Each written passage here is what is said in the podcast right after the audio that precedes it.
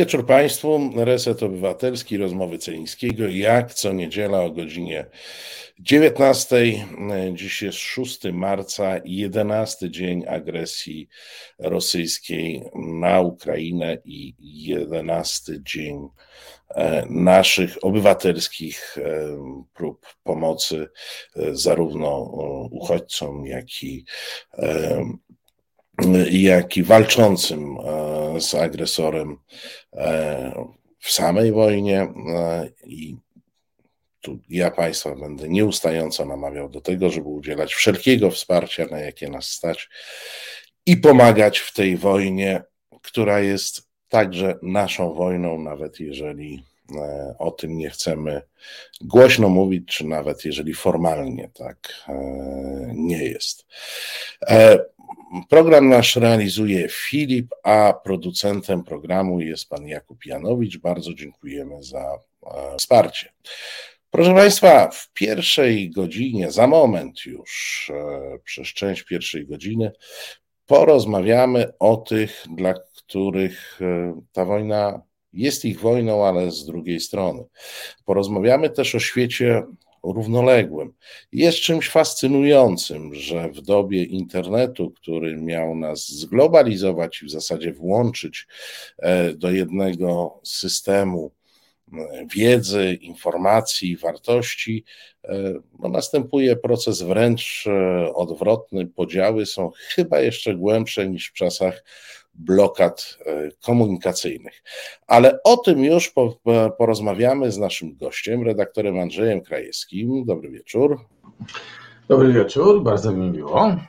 E, Andrzeju, co, co cię skłoniło? Zadam takie, powiedziałbym, e, pytanie z telewizji śniadaniowej.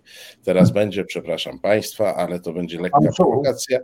Co cię skłoniło do tego, żeby porzucić mm, e, tworzenie materiałów o TVP, a rozpocząć o mm, mediach rosyjskich?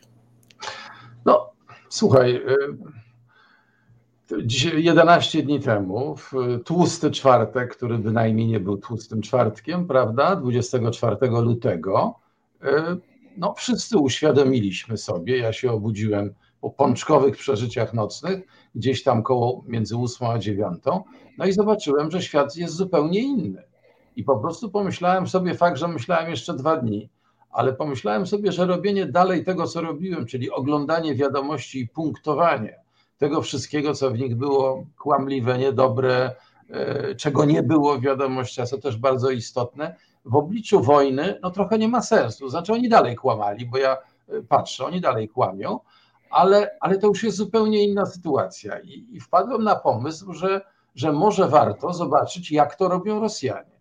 No i na szczęście, ja nie będę mówił, gdzie w internecie ja to łapię, żeby nie, nie wycięli, e, ale jest Rosja, 24 i chociaż mój rosyjski jest taki no, y, szkolnego chowu, a to już wiele lat temu, to jednak no, udaje mi się oglądać to, tłumaczyć pewne rzeczy i sporządzać z tego takie filmiki krótkie, dwu, trzyminutowe, e, ponieważ wydaje mi się, że, e, że warto, że warto popatrzeć, czym trują Rosjanie swoich ludzi. No bo przecież nie ma najmniejszej wątpliwości, że to, co się dzieje, jest, jest wojną, jest nieszczęściem, e, jest czymś strasznym. Jak znasz Rosję pewnie tak samo, znaczy znamy Rosję inaczej, nie, nie, nie będę tu ryzykował. Bywałem wielokrotnie w Rosji i powiedzenie, tylko żeby nie było wojny, czyli tylko żeby nie było wojny, no jest takim, takim założeniem, czymś takim, co e, tam się, tam się powtarzało przez, przez bardzo wiele, wiele lat. I nagle ten kraj znalazł się w kompletnie odmiennej sytuacji. Jego przywódca, wybierany, ukochany, powiedział ludziom: tak, będzie wojna. Więc jak oni mogą to przełknąć? Jak oglądam tę telewizję rosyjską, to widzę właśnie aparat propagandowy, widzę to kłamstwo, widzę te przemilczenia, widzę te sposoby, które powodują, że, że oni ciągle po tych 10 dniach już się orientują, bo, bo, bo już dostają bezpośrednio, ale oni ciągle jeszcze nie wiedzą, co naprawdę się stało, bo ich umysły są sformatowane przez to okienko telewizyjne. No to na poparcie tego, proszę Państwa, zobaczymy kilka materiałów. One są w układzie chronologicznym, bo też będzie można złapać, w jaki sposób ta narracja się e, rozwija.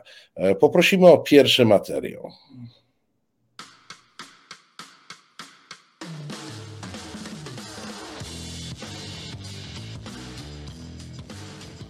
Na jakiś czas zostawiam wiadomości. Spróbuję śledzić propagandę w rosyjskich mediach. To Rosja 24. Tak wyjaśniają, skąd wzięła się konieczność specjalnej operacji wojennej. Kryzys проявился давно. Система оказалась негибкой. Не допускала достаточной степени культурно-политического многообразия, которое необходимо для устойчивого и сбалансированного развития мира. А он неоднороден по определению – Однородность пытались навязать разными средствами, вплоть до военных. W итоге kruг zamknął Specjalna operacja wojenna trwała dziś tylko w republikach Ługańskiej i Donieckiej. O wojskach rosyjskich pod Kijowem, o atakach rakietowych, o stratach Rosjan i oporze Ukraińców ani słowa. Протягивают руку, когда он спускается с КАМАЗа. Są za to żołnierze ukraińscy, którzy złożyli broń. I są oczywiście szlachetnie traktowani przez Rosjan. Всем дали возможность не только позвонить родным душ, чистая одежда, горячее питание, осмотр врача. Każdy z 17 żołnierzy ukraińskich podpisuje deklarację, że nie będzie walczył przeciwko republikom i zostaje wypuszczony do domu, zapewnia Rosja 24. W Russia Today, nadającej po angielsku, były informacje o porażce Rosji w Radzie Bezpieczeństwa, o zatrzymaniu rosyjskiego statku w kanale La Manche i o wycofaniu 86 Rosjan z europejskiej misji kosmicznej w Gujanie Francuskiej. A tych obrazów rosyjskie kanały nie pokazały. Dziękuję bardzo i do zobaczenia. Andrzej Krajewski. No i to był pierwszy materiał, e, który, który zrobiłeś, w którym e, mam wrażenie, że on równie dobrze mógł być nakręcony w 2014, bo to był materiał wedle tego scenariusza, e, który, co do którego Putinowi się wydawało, że powtórzy, czyli wkracza sobie gdzieś tam żołnierz, no tym razem oznakowany, wtedy tak. wkraczał żołnierz zielony, zielony ludziki ale ludność wybiega na ulicę z kwiatami, e, zdemoralizowani Ukraińcy się poddają i są bardzo wdzięczni za tę miskę zupy, którą mogą dostać w niewoli, bo dokąd byli wolni, to tej miski zupy nie mieli. To już tak w domyśle, w domyśle biorąc. No i generalnie mówimy o czymś takim e, szalenie marginalnym, bo ton tych e, e, komentarzy jest i ton e, tych informacji przekazywanych jest takich, a tutaj taki lokalny problem. No to, to... Nie, nie, nie, Marcinie, Marcinie, zauważ, że tam na początku jest ten międzynarodny abzor, taka no właściwie lekcja politruka. Tak. I to, co mówi ten facet, to jest pewnie znany dziennikarz rosyjski, no ja go nie znam, ale, ale on był w tym tygodniu też, myślę, że to jest jego e, autorska audycja. On tam streszcza filozofię Putina, filozofię putinizmu, nawet tak bym powiedział, która polega na tym, że e, jest, jesteśmy na zakręcie historii. Doszliśmy do momentu, w którym Rosja kwestionuje e, dotychczasowy porządek świata utrzymujący się mniej więcej od 30 lat czyli porządek, w którym jest jeden ośrodek. To jest Waszyngton. To jest ten straszny Waszyngton, który urządza wszystkie kraje na świecie. Rośnie potem. Ale Moskwa rządzi, wal, zaczyna walczyć z niesprawiedliwością tego porządku. Tak, to też powiedzmy sobie wprost. Tak, oczywiście, to jest wszystko przecież pod tym hasłem, że tak dalej być nie może. Nie może być jednego hegemona na świecie. Jest potęga Chin, które, które są odrębnym bytem, no i jest Rosja, która też musi zapewnić sobie bezpieczeństwo. I e, tu będzie taki bardzo ciekawy przeskok. Ja nie będę mówił. E, w jednym z ostatnich, albo nawet ostatnim odcinku będzie dokładnie wyliczone, jak będzie świat wyglądał w przyszłości. Ale już ten pan politruk zapowiada, żurnalista politruk, że ten świat musi się zmienić, że przywództwo Ameryki zostało zakwestionowane i świat będzie teraz wyglądał inaczej. No a do tego takie ludzkie kawałki, tutaj ci pliennie, czyli ci, którzy do niewoli wpadli ukraińscy żołnierze, jak im pomagają, prawda, ich wypuszczają, jakieś takie podpisy, no, no właściwie mm, idylla można powiedzieć niemal. Dlatego, w zasadzie Najlepsze, co może, co może ukraińskiego żołnierza spotkać, to pójść do niewoli, wynika z tego tak, tak, tak, tak, bo materiału, bo wtedy i z mamą porozmawia i, i, tak, i dostanie tam wikti opierunek. I Russia Today jeszcze tam ze świata jakieś takie, bo jeszcze tych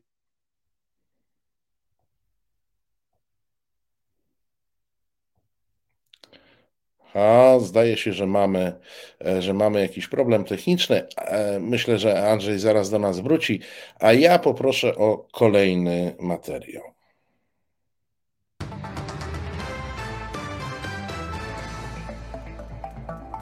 Также в Минобороны сообщили, что группировки народных республик Донбасса продвинулись еще на несколько километров вглубь украинских позиций. Только сегодня уничтожено 7 зенитных ракетных комплексов, в том числе один С-300 в районе города Краматорск. К сожалению, есть погибшие и раненые наши товарищи. Но наши потери многократно меньше уничтоженных националистов. Но мы знаем, как относятся украинские нацисты к немногим захваченным российским военнослужащим.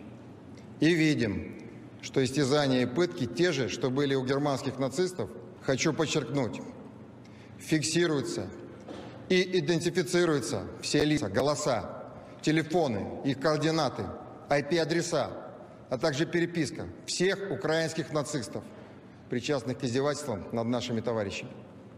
Также это касается руководителей киевского режима и их исполнителей. Все вы будете найдены и неминуемо понесете суровую ответственность.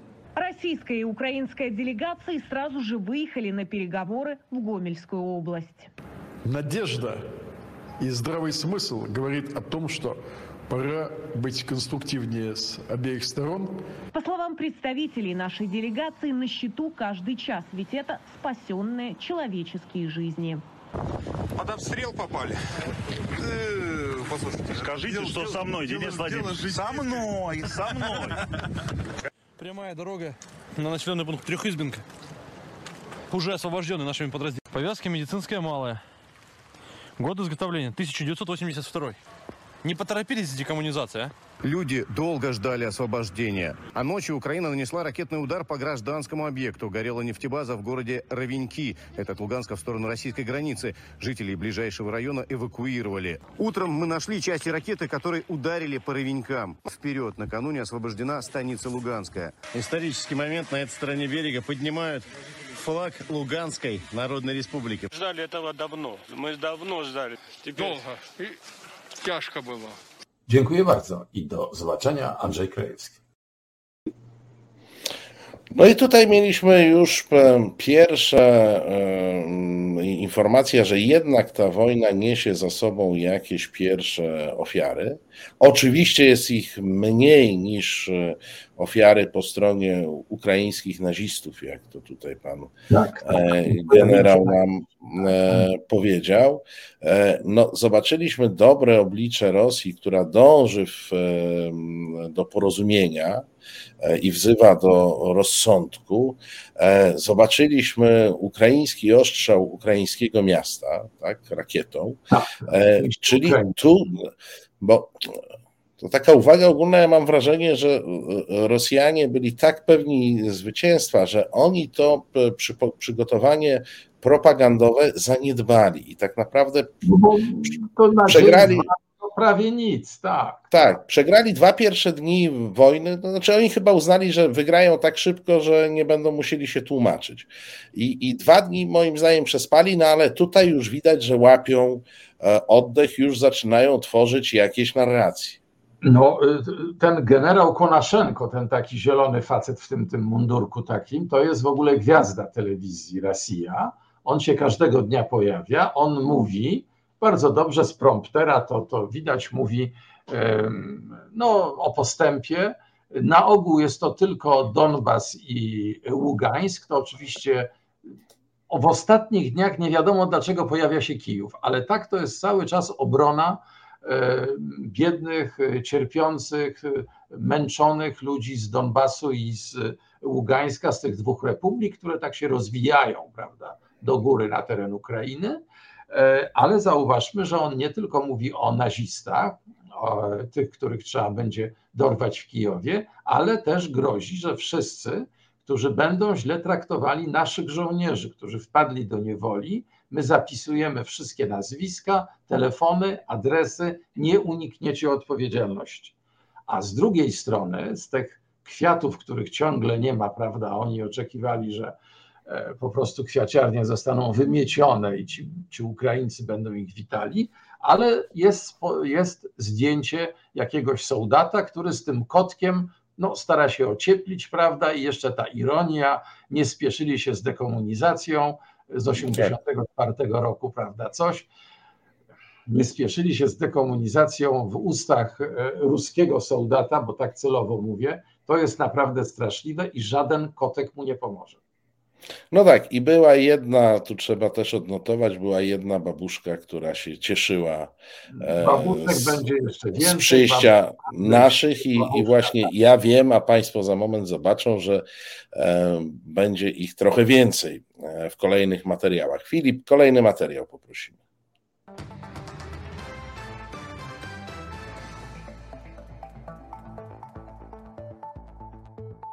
Twitter zablokował mi konto, a jeden z obserwujących na Facebooku spytał, po co ta rosyjska propaganda. To nie jest rosyjska propaganda, to jej krytyka. A robię to po to, żebyśmy wiedzieli, czym Kreml truje umysły Rosjan. Россия не начинала военные действия, Россия их завершает. Это слова официального представителя Минобороны. Генерал Коношенко. Минобороны подчеркивают, вооруженные силы России наносят удары только по военным объектам. Военные действия со стороны режима в Киеве и планомерное уничтожение жителей Донбасса шло 8 лет. Этому было необходимо положить конец. Надо было положить конец бесконечным угрозам со стороны киевского режима в адрес России. И Россия это сделает. Главная задача российских военных – это обеспечить безопасность гражданского населения. И российские военные делают все для этого. Россия не начала войну, начал ее 8 лет назад Киев, Россия войну заканчивает. Intrygująca relacja o rozmowach ukraińsko-rosyjskich. Выбрала путь не напрямую, а в объезд. Причем маршрут получился намного длиннее. Предельно наглядно, напрямую около 300 километров, но через Барвары и Чернигов, где шли бои. Zaraz, zaraz, jakie walki? Przecież to nie Donieck ani Ługańsk. А прежде всего на пути могли оказаться свои же, которым раздали оружие. Может, переговорщики не хотели встретиться с ними, или наоборот, хотели встретиться по пути с кем-то еще, но ехали они через Польшу в пять раз дольше, хотя россияне предупреждали, каждый час на счету. Następne rozmowy ukraińsko-rosyjskie mają się odbyć na granicy polsko-białoruskiej. Заявление, что э, посетители с российским паспортом э, в данном ресторане не обслуживаются. Еще одна подруга пишет, что у знакомых 13-летний сын учится в Лондоне. Сегодня им прислали письмо, что пребывание ребенка в школе нежелательно. Все происходящее в Европе напоминает времена гитлеровской Германии, когда процветал антисемитизм. Сейчас аналогичная ситуация в отношении русского народа. В Финляндии приостановили продажу алкоголя из России. Сообщается, что касается это в первую очередь водки. И делают это, цитата, во имя Украины. Памятник освободителям – это глупость и это надругательство. Иностранные студенты, застрявшие на Украине, говорят, что сталкиваются с дополнительными проблемами, пытаясь уехать из страны. Они обращались с нами как с животными, реально. Они были бессердечны, не пускали нас через границу. Некоторые из них угрожали нам оружием. Мы просили, дайте нам пройти, а они говорили нельзя и прогоняли нас. Solidarności z Ukrainą Andrzej Krajewski. No, ta ostatnia scena jest dziwnie spójna z tym, co w Polsce zaczęły robić e, środowiska związane z Konfederacją i Solidarną Polską, a zwracam uwagę, że ujęcie, sądząc po napisach w tle, ujęcie jest w e, Polsce, jest w Polsce czyli tenże pokrzywdzony student e, udzielał tego wywiadu, będąc już po polskiej stronie granicy. Oczywiście. Ja myślę, że w ogóle ten odcinek jest ciekawy, dlatego że on się zaczyna od tego, no naprawdę Twitter mnie wyciął, znaczy poprzednią relację wyciął. Zostałem poinformowany, że to jest wycięte. Mogę aplikować, prawda, i mogę prosić o zmianę, ale trzeba było wypełnić jakiś ogromny formularz. No i muszę powiedzieć, że jestem uzależniony od Twittera, więc machnąłem ręką. Tamten odcinek zdjąłem, a potem już robiłem to inaczej, to znaczy dawałem tylko zdjęcie i odsyłałem na Facebooka. Także dzięki temu mam Twittera, nie kłóciłem się z nimi. Ale, ale, ale także w tym odcinku pojawia się Twoje dosyć łopatologiczne tłumaczenie, że Ty nie powielasz, tylko krytykujesz tak, tę tak. propagandę, co jak rozumiem już jest informacją nie dla algorytmów Twittera czy Facebooka, tylko jest informacją dla widzów, e, tak, którzy. Jeden widzów, jeden z widzów mi napisał, a widzów jest sporo, więc głos był tylko jeden. Jeden z widzów mi napisał, że nie należy tego rozpowszechniać, bo to jest rosyjska propaganda. Dla mnie było tak oczywiste, że to nie jest rosyjska propaganda, tylko to jest taki, no to co robiłem z wiadomościami. Ja przecież nie transmitowałem wiadomości, ja robiłem z nich szczepionkę na wiadomości. Pokazywałem wredziznę tego, tak można powiedzieć. I tutaj pokazywanie, jak to Rosjanie pokazują, w zestawieniu z tym, co konsumenci mediów, co odbiorcy mediów w Polsce przecież widzą na co dzień. TVN24, Polsat, nawet te nieszczęsne, te nieszczęsne wiadomości, no jednak wyglądają kompletnie inaczej. No, y, ja dlatego w tym pierwszym odcinku dałem troszkę obrazków, zresztą z wiadomości, no po prostu dlatego, że no, że to jest kompletnie, no, no, tam nie ma ani jednego zburzonego y, y, bloku, bo są jakieś chatki poburzone, ale, ale w przekazie tym rosyjskim nie ma absolutnie niczego. Jak raz to będzie chyba w następnym odcinku, y, była ta rakieta w centrum zaraz drugiego miasta, w Charkowie. W Charkowie, tak. To jest, to jest wyjaśnienie, że to zrobili Ukraińcy. To Ukraińcy po prostu, to była prowokacja ukraińska. Także oni są niesłychanie konsekwentni. To, co robią, to jest po prostu misja wyzwoleńcza. Oni muszą zakończyć e, no, straszliwą okupację, którą e, Ukraińcy uprawiali przez 8 lat. A Ukraińcy tak bardzo nie chcą za zakończyć tej wojny, że jadą mm, dłuższą drogą na miejsce spotkania e, negocjacyjnego. Muszę powiedzieć, że to już jest propaganda, Andrzeju, umówmy się, na poziomie przedszkolnym. No ale ja ci powiem, to nie, ale tu jest od razu sugestia, oni z kimś gadali po drodze. W tej Polsce albo Polacy, albo ci ostraszni Amerykanie ich tam ustawiali co mają mówić, co mają, czego mają się A, bo, bo żeby byli ustawieni, to musieli wjechać do Polski, tak? Tak, no oczywiście, musieli wjechać do Polski. No tak, no to proste, proste, faktycznie, no, przepraszam. przepraszam, że sam na to nie wpadłem. Ja, ja ci powiem, wiesz, że no, ja lu jestem prześmiewcą, ale no wobec tej tragedii oczywiście usiłuję wyłapywać różne rzeczy, ale przecież, no przecież to jest naprawdę tragedia i to, co oni wyprawiają, ta propaganda, e, to po prostu mieszanie w głowach e, jest straszliwe. Nie, nie jestem w stanie wyłapać nawet tych, tych śmiesznostek, a ich jest dużo, gdzieś tam, gdzieś tam je pokazuję. Ale wobec tragedii tej wojny nie, naprawdę nie chce mi się śmiać. Filipie, poprosimy o kolejny materiał.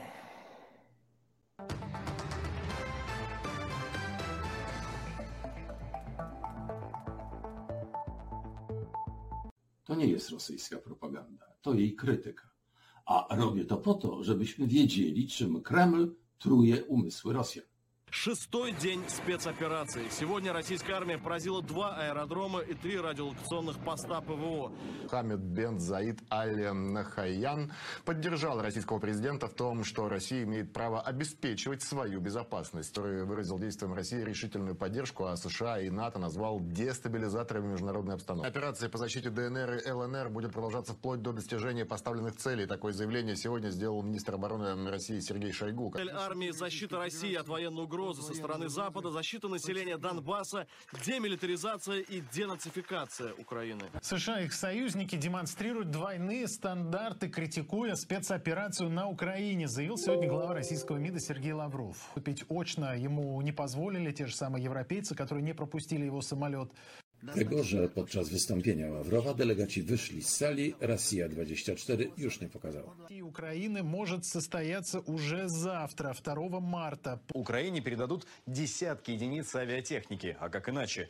Ведь сам глава дипломатии Евросоюза пообещал. Самолеты на Украину, так как это означало бы, что это прямое военное вмешательство в конфликт на Украине. НАТО не присоединяется к этому конфликту. НАТО не хочет становиться его частью. Поддерживаем украинцев гуманитарной помощью и не собираемся посылать какие-либо самолеты в воздушное пространство страны. Венгрия свою территорию для такого военного транзита закрыла.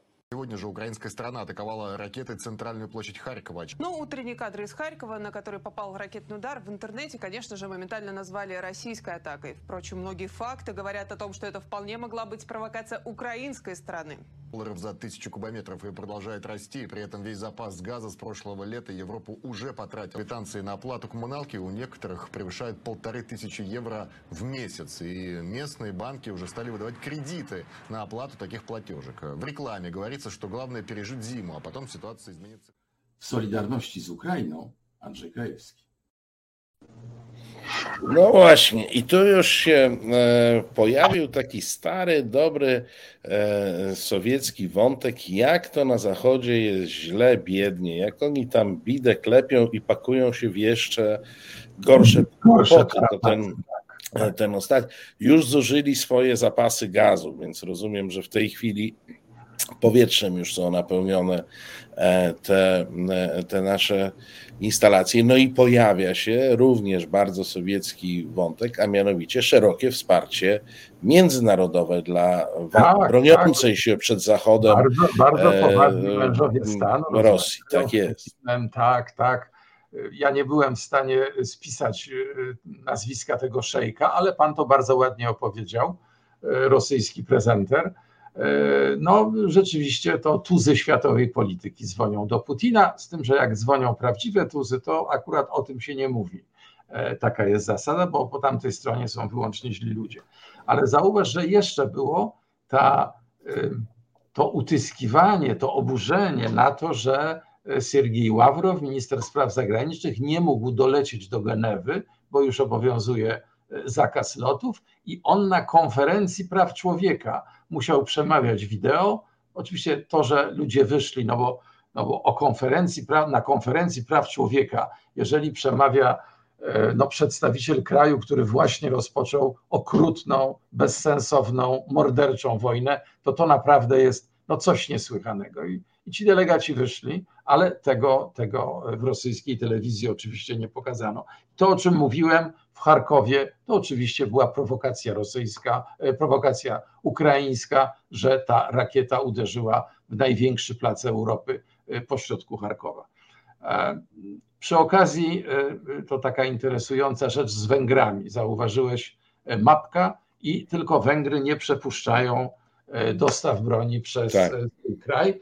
Wtedy jeszcze tak nie było o tym głośno. To jest ciekawe. Jak ja oglądam tę e, rosyjską telewizję, to bardzo często jest tak, że wyłapuję rzeczy, które dopiero w dzień czy dwa później pokazują się u nas w naszych mediach. E, No, może i dobrze, że też nie tylko ja to analizuję, no, inni ludzie też to oglądają, wyciągają z tego wnioski i zaczynają na ten temat mówić, bo ta postawa Węgier no, jest bardzo charakterystyczna i, i wtedy jeszcze o tym tak nie mówiono, potem to się e, e, rozwinęło rzeczywiście. No, Rosjanie takiej postawy się mm, e, spodziewali i myślę, że to jest. i- Nad Orbanem, tak. I myślę, że to jest jedyne z założeń tej wojny, y, które im się sprawdza, to postawa Węgier, bo wszystko inne chyba im się jak do tej pory nie sprawdza. No ale zobaczmy, jak widzą tę wojnę dalej. Filipie, kolejny materiał.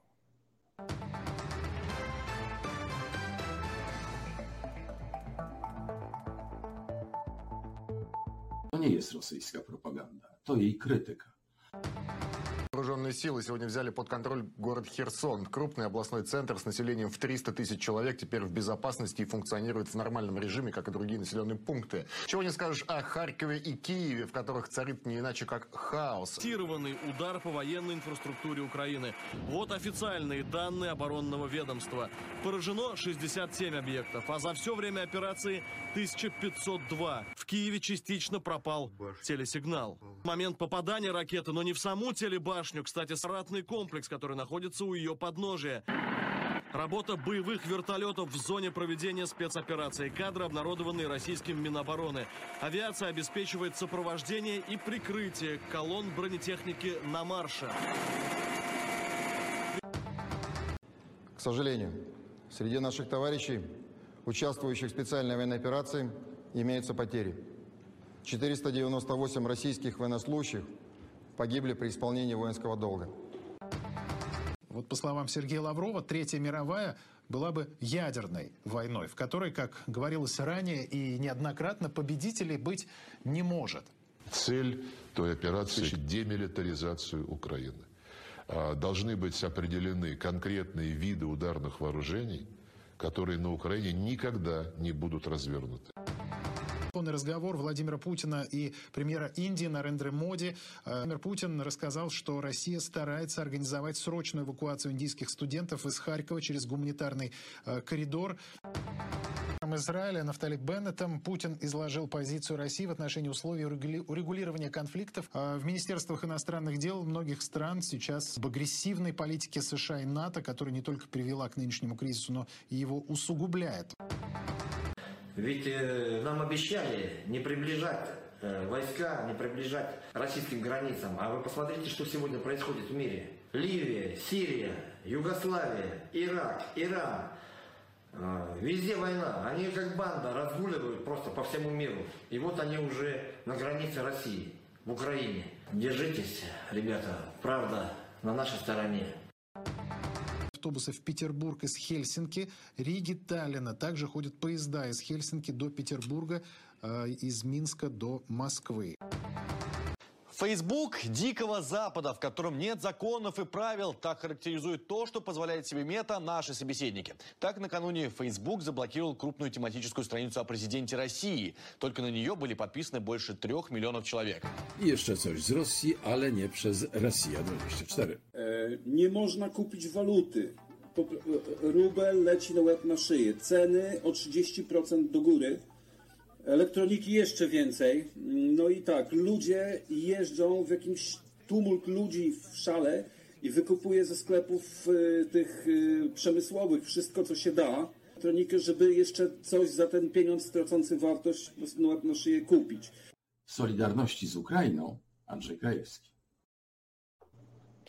No, muszę powiedzieć, że miałem dokładnie to samo skojarzenie, co pan Mateusz, kiedy był przywołany autorytet e, bokser, że mają swojego Marcina Najmana, który e, jest w stanie skomentować politycznie, e, politycznie wszystko. Ale ja już w tym materiale. A, a, ja, a ja sobie pomyślałem, że to jest takie odbicie braci Kliczków. No bo bracia Kliczkowie, Ukraina, prawda, mer i, i i jego brat, no, bokser mówiący dobrze po angielsku zresztą, i być może oni również dlatego e, wystawili tego, no już nie wiem jak go określić, łebka, no, który no, no straszliwą, to Bo propagandy. Moim językiem bokserskim w innej wadze chodzi. językiem E, mówił Plus chłopaki, trzymajcie się, prawda jest po naszej stronie. No, E, beznadziejne. E, I mm, natomiast, no, co, co by nie powiedzieć, Kliczko jest merem e, Kijowa i występuje w tej chwili e, i raz w mundurze mm, e, tamtejszej obrony te- terytorialnej, dwa e, pokazuje się na stacjach metra, pokazuje się wśród ludzi. To jest zupełnie inna pozycja e, do mówienia. mm, A wojna e, przekonała nas, że aktor może być wspaniałym prezydentem, prawda? No, zresztą Jest to, jest to drugi poreganie taki poreganie, który, poreganie. e, na którego tak. warto zwrócić uwagę, ale ja już tam zauważam, czy być może dlatego, że ja się wychowałem na telewizji PRL-owskiej i w tej chwili zresztą mamy pewien renesans tej, e, tej, tej, tej formy, ale ja już tam wyczuwam e, jakby, że o, tam już są sygnały, że jest jakiś problem z tą Ukrainą. To jednak skończył się ton pod tytułem mm, kwiaty, czekoladki, wizyty w zakładach pracy. I ci naziści ukraińscy są jacyś trudni. trudni są, no a do tego zdarzają się jakieś takie dziwne wpadki, bo w tym Charkowie przecież nie bez, nie bez powodu była rozmowa z prezydentem Indii, tam zabito hinduskiego studenta.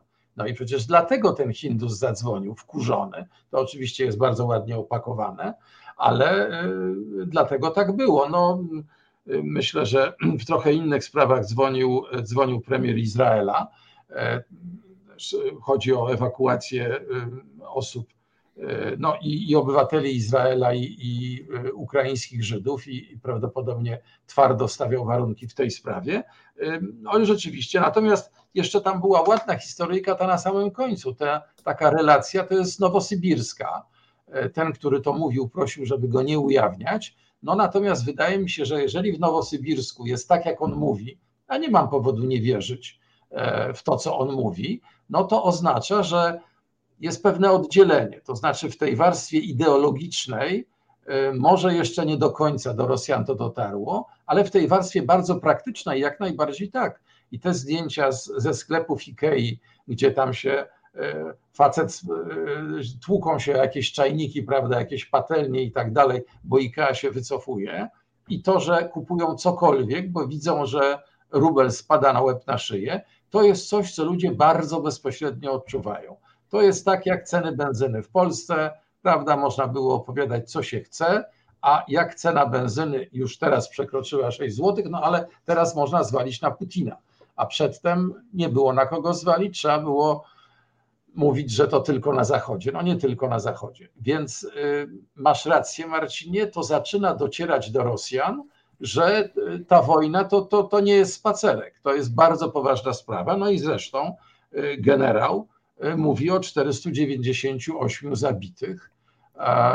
To jest znacznie zaniżona liczba, ale to jest i tak 500 ludzi, którzy nie powrócą do swoich żon, matek, sióstr, prawda, do swoich rodzin. To jest bardzo poważna w tym, w tym czasie Ministerstwo Obrony Ukrainy mówiło o około 5 tysiącach e, tak. zabitych. Tak, e, oczywiście jak to na wojnie bywają te zaokrąglenia różne, a do tego wszystkiego umówmy się, że precyzyjnych danych się nie zbiera w, w rzeczywistości, tak, no bo to nie ten moment. Jakkolwiek potwierdzałoby to zasadę dawno opisaną w podręcznikach, że w przypadku strat Rosjanie zawsze dzielą przez 10 no i, i tak. przyznają się do 10% swoich. To, to, to, ta podana, podana liczba przez pana e, generała rosyjskiego uprawdopodobnia e, liczbę podawaną przez Ministerstwo Obrony Ukrainy. Mhm. Poprosimy o kolejny materiał.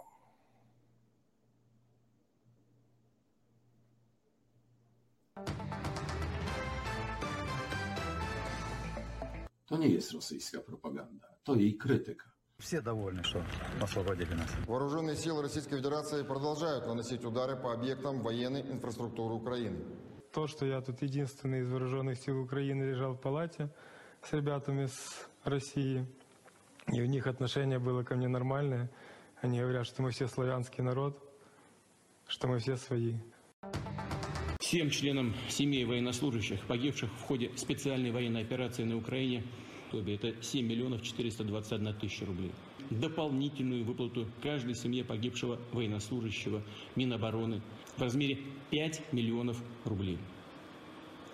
Все военнослужащие, раненые при проведении операции, также получат соответствующие выплаты. Сейчас на украинской территории наши солдаты и офицеры сражаются за Россию, за мирную жизнь для граждан Донбасса, за денацификацию и демилитаризацию Украины, чтобы никакая антироссия, годами создаваемая Западом прямо у наших границ, нам не угрожала. В том числе и ядерным оружием, как это было в последнее время. Спикер Госдумы Вячеслав Володин. Другого выхода не было. Украина. На сегодняшний день это не самостоятельное государство. Президент принимает все решения по диктовку Вашингтона. Он не думает о своих гражданах. Если бы не началась операция буквально на следующий день, началась бы операция со стороны НАТО, но только руками бандеровцев, неонацистов. Куда он попал с коронавирусом? Прекрасно понимаем ожидания миллионов граждан, которые знают об особой роли Владимира Вольфовича в формировании идеологии независимой и сильной России. Он годами в деталях описывал и предупреждал то, что сегодня происходит на Украине. Посмотрите, что они делают с Россией. Это преступление против русского народа, экономическая война. Их исключили из системы SWIFT, им закрыли воздушное пространство, прервали все торговые связи, закрыли и запретили использовать доллар. Это сумасшествие, что они делают с Россией. В поддержку России вышли в Черногории. На акцию люди пришли с российскими флагами.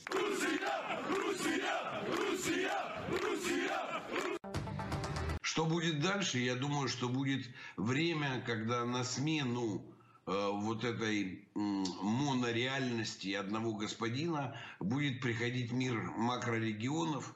И я абсолютно убежден, что Россия и те, кто захотят идти в будущее вместе с ней, вот, создадут такой макрорегион. Э, у Китая будет макрорегион, у Америки, если она выживет и сама справится с теми проблемами, которые у нее есть, огромными. W Solidarności z Ukrainą Andrzej Krajewski.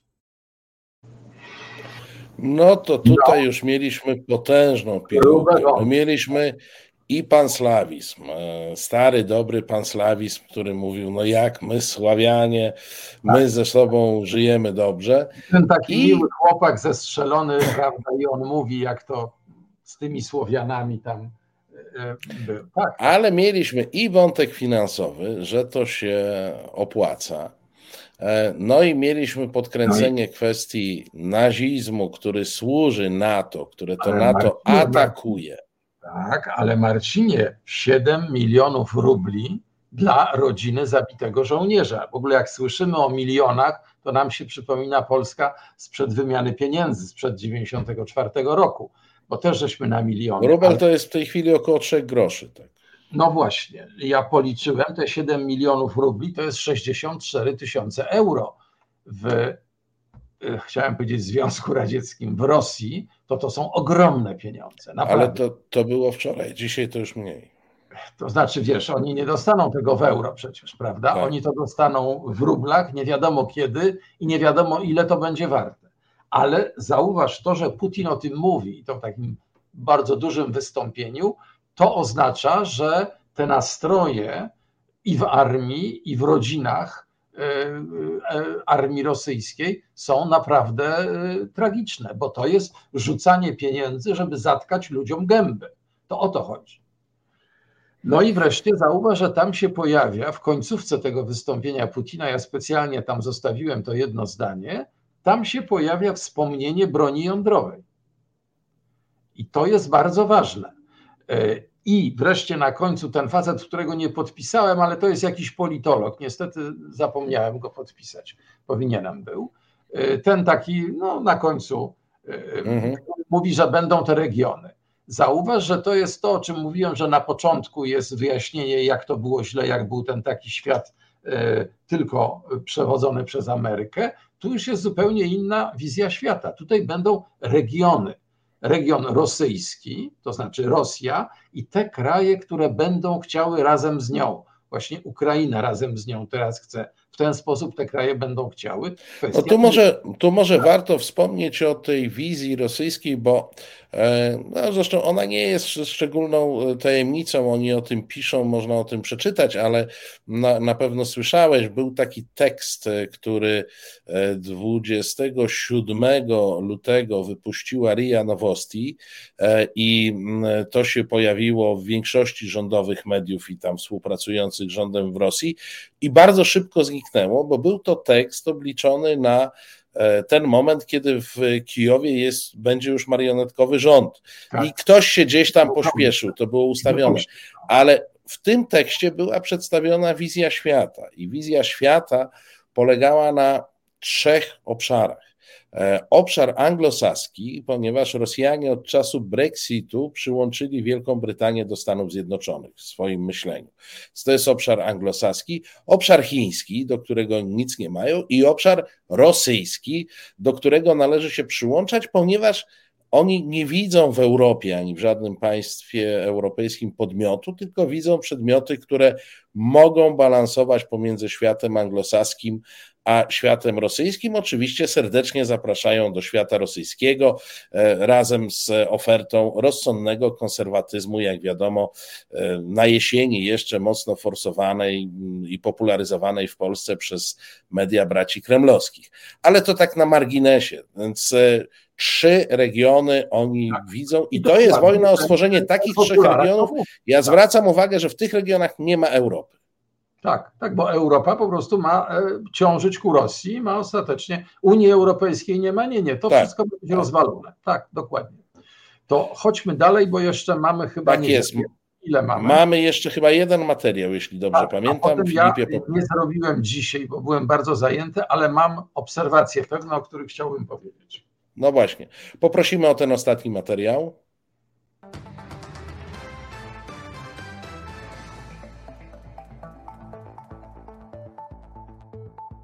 Propaganda to broń masowego rażenia. Pokazuję, jak działa w Rosji, żebyśmy wiedzieli, jak jest skuteczna. Także w Polsce i nie tylko rosyjska propaganda. Это денацификация. Об этом зашла речь в разговоре с канцлером Германии Олафом Шольцем. Российский лидер подчеркнул, что сейчас основная опасность исходит от формирования неонацистов, которые действуют как террористы. России сообщил генсеку ООН в телефонном разговоре.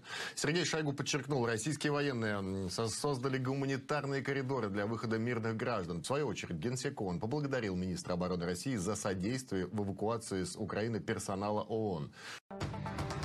Небо над Евросоюзом, Канадой и Соединенными Штатами для наших лайнеров остается закрытым. Около 20 тысяч наших соотечественников. А, большинство из них э, находятся в странах Латинской Америки. Судно полностью готово. Прошу дать разрешение на подъем государственного флага. Подъем государственного флага Российской Федерации разрешаю.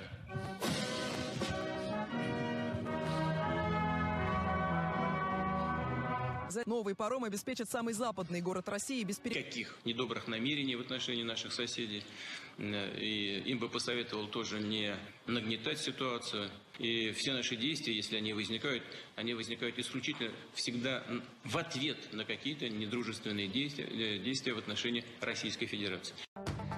Работники завода Горького вполне поддерживают правильное решение президента Российской Федерации. Работы хватает, но на несколько минут заводчане отходят от производственных станков обсудить последние новости. Здесь не верят. Крах российской экономики обещали в 2008 году, затем в 2014. На предприятии на это отвечают делом. Ну а на освобожденных территориях сразу начинает работать республиканский штаб по жизнеобеспечению. Здоровья всем, ребята, чтобы вы были живы и здоровы. И не только старшее поколение. Люди добрее. Магазины, школа, сельсовет – все уже продолжает свою работу. И церковь. Да без памяти. Отличная сейчас уже. Все, война закончилась у нас. Но она не закончилась там дальше. Ребята бьются, погибают, конечно, жалко закон о распространении санкций за нарушение прав российских граждан на всех иностранцев и лиц без гражданства. То есть за вопиющие русофобские э, выходки э, так или иначе придется ответить. A gdzie wojna? No właśnie, telewizji już nie ma. Wojna jest tylko w rusofobicznych kłamstwach rozpowszechnianych w kraju i za granicą. Na przykład tutaj. Dziękuję bardzo. Andrzej Krajewski. No i te zakłady pracy, y, które wspierają słuszną politykę, to tego mi brakowało w kolejnych materiałach i w końcu się doczekałem. No. Tak, są, są 68 rok, syjoniści, wiece, 76 wspieramy towarzysza Gierka, Warchoły z Ursusa i z Radomia, wszystko to samo, tak jest, najlepsze wzorce. Są masówki, jest rusofobia jako nowy antysemityzm, bo myśmy tutaj w poprzedniego materiału nie zauważyli, ale tam się pojawił ten wątek tak, traktowania Rosjan jak Żydów w czasie wojny, ponieważ gdzieś tam kogoś nie obsłużono, tak? Tak, tak, tak. To porównanie spokojnie, prawda, e, absolutnie, no po prostu rusofobia, tak, tylko Auschwitz brakuje, no ale na pewno jeszcze wymyślą. Natomiast chciałem powiedzieć jeszcze o dzisiejszym, tam zerkam na zegar, który mam za ekranem, więc dlatego, bo dzisiaj pojawiła się bardzo moim zdaniem groźna i symptomatyczna nuta, e, pojawiło się wyjaśnienie, znaczy były takie dwa kawałki, które widziałem. Jeden to był, że znaleziono jakieś laboratorium, w którym wytwarzano podobno narkotyki. No i jakiejś wiosce, no i tam pokazanych parę kolb i tak dalej. Nie wiadomo, czy może i tam były, a może je przywieźli. To nie ma większego znaczenia, ale tu jest udowodnienie tej tezy. Narkotyczni baronowie w Kijowie, prawda, bo było tak. Ale druga rzecz jest znacznie poważniejsza. Otóż jest informacja, że w tej największej elektrowni atomowej, którą właśnie zajmowali albo już zajęli, oni znaleźli dowody na to, że Ukraina chciała wyprodukować własną broń jądrową. I dlatego oni tak chcą wchodzić do tych elektrowni, ponieważ i to było doskonale przygotowane. To była półgodzinna audycja, gdzie wypowiadali się eksperci. To jest coś takiego, przygotowuje się parę tygodni. Także ja nie mam najmniejszej wątpliwości, że y, ta audycja została przygotowana na długo przed 24 y, lutym. Dograno tam tylko obrazki, prawda, z tej elektrowni. I zastanawiam się teraz, jak to będzie wyglądało, dlatego że jest kwestia tego memorandum budapeszteńskiego, prawda, tych gwarancji dla Ukrainy, no ale przecież Putin powie chwileczkę, Ukraina wyrzekła się broni jądrowej. Myśmy to gwarantowali, a tymczasem myśmy mieli informację, że oni pracują nad bronią jądrową. Więc my chronimy cały świat przed ukraińską bronią jądrową. To będzie następny etap propagandy rosyjskiej, natarcia rosyjskiego. Tak mi się wydaje. No i będzie to kolejny etap, mm, przepraszam za kolokwializm, ale takiego pójścia na rympał, bo akurat jeśli chodzi o kwestie odpadów, bo to o nie najczęściej chodzi, e, i produktów ubocznych w elektrowniach no tak, atomowych, to one wszystkie są znakowane i Ukraina nie jest Koreą Północną, która nie wpuszcza do siebie e, nadzoru. One są pod stałym nadzorem Międzynarodowej Agencji Atomistyki, w związku z czym tam każdy gram uranu jest rozliczony. W związku z czym opowieści rosyjskie oczywiście będą kompletnie E, kompletnie od czapy, nie znajdą e, potwierdzenia. Natomiast no, oczywiście kto zabroni o tym tak, powiedzieć. Tak, Serbia, Czarnogóra i tak dalej, tam będą, e, to, to będzie kupowane i to będzie sprzedawane jako, jako właśnie no, bardzo ważny powód. Rosjanie musieli uratować świat. No i spodziewam się, że prezydent Maduro także się tym obudzi. Jestem zupełnie pewien, bo przecież już widział, jakie sankcje. Jak można tak traktować rosyjski naród? To jest skandaliczne. Skandaliczne. I gdyby to nie było tak tragiczne, to byłoby to śmieszne, ale nie jest. Tak, byłoby to śmieszne, ale jest to przekaz, który idzie do e, milionów, do dziesiątków e, milionów e, ludzi i niestety jest traktowany serio jest następną rzeczą, na ile oni e, dają się nabrać, a na ile chcą być nabierani, ale to temat na zupełnie inną dyskusję. Andrzeju, bardzo Ci dziękuję za dzisiejsze spotkanie, wizytę w studiu i za Twoją pracę, którą wykonujesz przy oglądaniu tych strasznych rzeczy. Tu popatrz na czat, połowa z Państwa to pisała, że już ledwo wytrzymuje, a Ty jesteś naprawdę twardym człowiekiem, który wytrzymuje i oglądanie wiadomości TVP, a w tej chwili już poszedłeś zupełnie w taki sport ekstrem, ekstremalny sport z ekstremalnych sportów, czyli oglądanie przekazów informacyjnych Ale rosyjskich. Ja jeszcze poskarżę, no bo przecież trzeba te cholerne napisy stukiwać tłumaczyć z rosyjskiego. Mój rosyjski jest niezły, ale nie aż taki. Także jeśli ktoś znalazł błędy, to bardzo przepraszam. No po prostu sam to robię, bo uważam, że to jest ważne. No, uważam, że tak jak ta dziewczyna napisała, to jest druga broń atomowa. My musimy wiedzieć, jaką jakiej broni oni używają. I za to Ci bardzo dziękuję. Bardzo Dobrego dziękuję. wieczoru, Andrzeju. Dzięki za wizytę. Dziękuję, dziękuję Państwu. Dzięki. E, moi drodzy, to teraz e, chwila muzycznego oddechu, bo, bo trzeba jakoś, to jest tak, taki moment, kiedy trzeba ten mózg na chwilę od informacji rosyjskich, no, nie wiem, zneutralizować to, co mamy w głowie. I zaraz po krótkiej muzycznej przerwie wracamy, a naszym gościem będzie profesor e, Adam Bodnar. Reset Obywatelski działa dzięki Twojemu wsparciu. Znajdź nas na zrzutka.pl. No to, że miłość rządzi światem, to chyba na dzisiaj możemy mm, zakwalifikować jednak do myślenia życzeniowego, nie do opisu rzeczywistości, rzeczywistości, która mm, no, od 11 dni daje o sobie znać w sposób bardzo e, dotkliwy. Jest z nami już nasz gość, profesor Adam Bodnar. Dobry wieczór. E, dobry wieczór, panie redaktorze, dobry wieczór państwu. Trudne czasy, trudne czasy na rozmowę i trudne czasy na rozmowę o czymkolwiek innym niż e, to, co nam się w świecie dzieje, ale mamy dziś temat. Ja nie znam tego projektu. Czytałem opis jego założeń. Mówię tutaj o projekcie, rządowym, który ma regulować kwestie pomocy uchodźcom, Gazeta Wyborcza zwraca uwagę, że ten projekt uchodźców segreguje. E, i segreguje pod kątem ich e, obywatelstwa, żeby nie powiedzieć e, rasy. Nie wiem, czy pan miał okazję zobaczyć założenia tego projektu, czy projekt może, czy projekt może w całości, bo to, ten projekt niestety jest taką pisowską metodą legislacyjną tworzony, to znaczy gdzieś on został stworzony i teraz będzie poddany ekspresowej Mm, ekspresowej ścieżce. E, co możemy myśleć o projekcie, który no, wyraźnie e, oddziela, oddziela, jakby segreguje i tworzy sorty e, uchodźców, uchodźców przed tą samą wojną? Przede wszystkim dziękuję za zaproszenie. Projektu jeszcze nie widziałem tego konkretnego E, ponieważ najzwyczajniej w świecie nie zdążyłem, czym innym się zajmowałem w weekend. E, czekałem na ten projekt tak w czwartek, piątek, bo wtedy miał być e, procedowany. Okazało się, że jednak się wszystko opóźniło.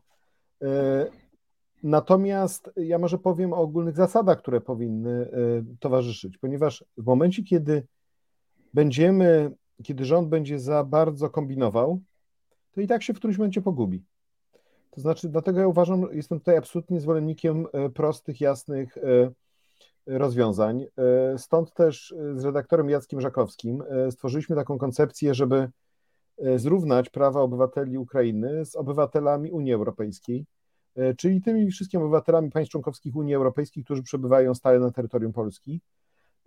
I po to, aby tak naprawdę oni mogli na równych zasadach korzystać ze wszystkich uprawnień, łącznie z prawem do udziału w wyborach lokalnych i wyborach burmistrza, prezydenta, wójta. Gdyż moim zdaniem, po pierwsze, to trzeba taki gest wykonać, a po drugie, to będzie wtedy obejmowało zarówno tych, którzy przyjechali teraz, jak również tych, którzy przyjechali wcześniej. Ja nie widzę wielkiego powodu, dla którego nagle teraz mamy traktować wszystkich, którzy byli wcześniej, przed 24 lutego w Polsce, inaczej od tych, którzy przybyli po 24 lutego. Oczywiście tam ci uciekali, tam ci przyjechali e, dobrowolnie, e, ale no, nawet ci, którzy przybyli dobrowolnie, nie mają gdzie wrócić.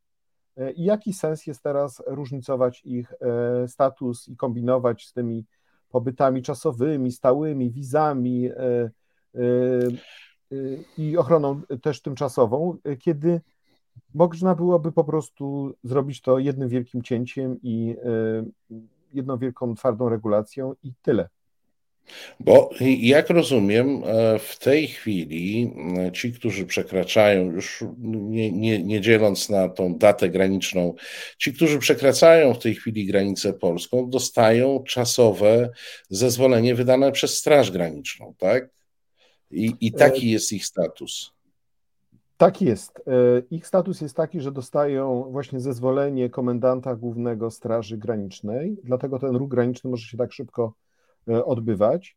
E, to zezwolenie obowiązuje na okres 15 dni, no i w tym czasie trzeba ich status uregulować. Tylko też jednocześnie pamiętajmy, że na szczeblu unijnym przyjęto taką decyzję ramową dotyczącą objęcia określonej grupy ochroną E, tymczasową.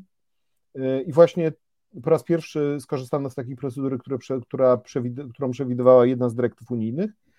E, I, I właśnie Ukraińcy zostali objęci też ochroną tymczasową. Także tutaj moim zdaniem to, co trzeba przeanalizować, to jest jaka jest relacja tej naszej krajowej ustawy do tego, co zostało przyjęte na szczeblu unijnym.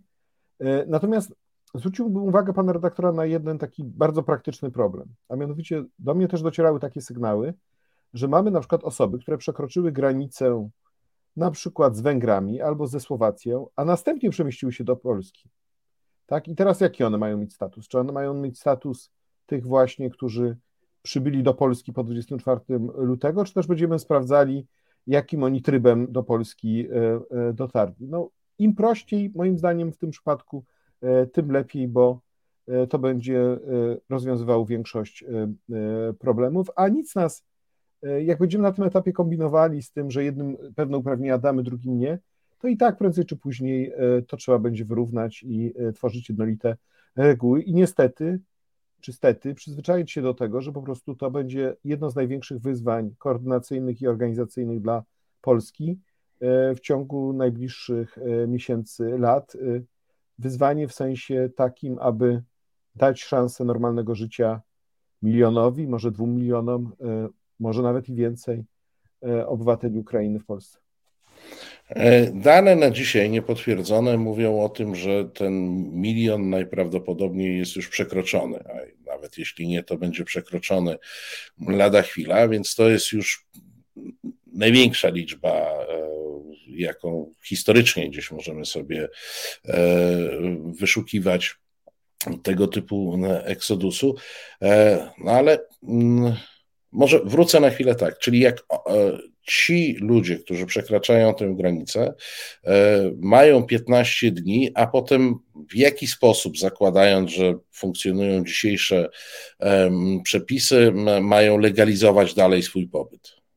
Nie, no rzeczywiście to, to, to 15-dniowy termin e, to jest po to, aby właśnie w międzyczasie przyjąć ustawę. Także myślę, że ta ustawa po prostu zostanie e, przyjęta. Jak nie, no to będą mogli się powoływać na e, przepisy tej decyzji ramowej przyjętej przez na szczeblu unijnym, która też daje te podstawowe uprawnienia dotyczące pobytu, dostępu do edukacji, służby zdrowia czy prowadzenia działalności gospodarczej. Także myślę, że w efekcie nie będzie kłopotu i myślę, że, mm, że wszystko będzie E, tak jak trzeba, przy czym oczywiście trzeba patrzeć na ręce i dbać o to, żeby tych poszczególnych grup nie różnicować. E, no właśnie, i tu poza e, samą, samą kwestią statusu, to jak rozumiem, stoi przed nami problem, którego już entuzjazmem obywatelskim nie załatwimy. Czyli stoi przed nami problem stworzenia systemu. Pan w gazecie wyborczej takie zarysy te, tego systemu albo potrzeb najważniejszych mm, e, przedstawił, e, no, musimy stworzyć system państwowy, czy państwowo-samorządowy bardziej, e, sposobu, w jaki uchodźcy będą mogli tutaj funkcjonować, bo oczywiście ja nie będę w tej chwili dywagował na temat tego, jakie mogą być losy e, wojny na wschodzie. E, jeżeli ona skończy się w miarę szybko, to zapewne duża część z tych osób po prostu wróci e, do Ukrainy, żeby pewnie odbudowywać, układać tam na nowo życie, ale to na pewno nie będą wszyscy. I tu jest e, element e, bardzo trudny, a mianowicie element e, przyjęcia przez państwo polskie, już nie przez obywateli, już nie przez spontaniczną, improwizującą akcję, przyjęcia przez państwo polskie na przykład miliona ludzi dzisiaj, a być może w jakiejś perspektywie, jeżeli będzie relokacja, jeżeli oni będą jechać dalej, no to na pewno kilkuset tysięcy. E, tak, faktycznie w Gazecie Wyborczej e, sobotniej opublikowałem artykuł, e, który oryginalnie zatytułowałem Mądrość drugiego etapu. Nie wiem dlaczego redakcja tego tytułu nie dała. Ale o co mi chodzi? O to, że teraz jest niezwykły, teraz doświadczamy niezwykłego entuzjazmu i zaangażowania polskich obywateli i społeczeństwa obywatelskiego. To jest coś absolutnie nieprawdopodobnego, co się dzieje w kontekście pomocy, y, znajdowania mieszkań, transportu y, y, z granicy do polskich domów, zbiórek żywności, zbiórek publicznych pieniędzy, także zaangażowania polskiego biznesu. Cieszę się, że rząd temu nie przeszkadza. Rząd może mógłby bardziej to doceniać, a nie przypisywać sobie zasługi, no ale zostawmy to może z boku. Natomiast niestety obawiam się, że za chwilę ta energia może się skończyć. E, ta energia, e, która oczywiście jest efektem, myślę, że obrazów, które oglądamy w telewizji, e, świadectw, które są nam przekazywane przez osoby uciekające, ale także która jest efektem takiego poczucia zagrożenia. Mi się wydaje, że gdzieś paradoksalnie to nasze zaangażowanie jest efektem tego, że sami się czujemy zagrożeni. To może się za chwilę może nie wyczerpać, bo nie chciałbym tutaj nikogo e, pozbawić entuzjazmu, ale myślę, że po prostu będziemy potrzebowali wejść na ten kolejny etap e, wsparcia. E, czyli zastanowienia się, no dobrze, ale to jak dłużej? Na dłuższy czas uchodźcy mają mieszkać w Polsce, czy będzie dla nich wystarczająco dużo mieszkań, czy będzie komu opłacić najem, czy będzie wystarczająco dużo mieszkalnictwa socjalnego. To po pierwsze. Po drugie, co z edukacją? Czy szkoły są do tego przygotowane? E, czy mamy, czy szkoły są wzmocnione pod kątem e, edukacji e, wielokulturowej, czy w ogóle szkoleń języka, z języka ukraińskiego i takiego dostosowania do warunków nauczania w polskich szkołach? Po trzecie, uznawanie kwalifikacji zawodowych, czyli poszukiwanie metod, za pomocą których można zweryfikować kompetencje zawodowe i dzięki temu jak najszybciej wprowadzić e, obywateli Ukrainy na polski rynek pracy.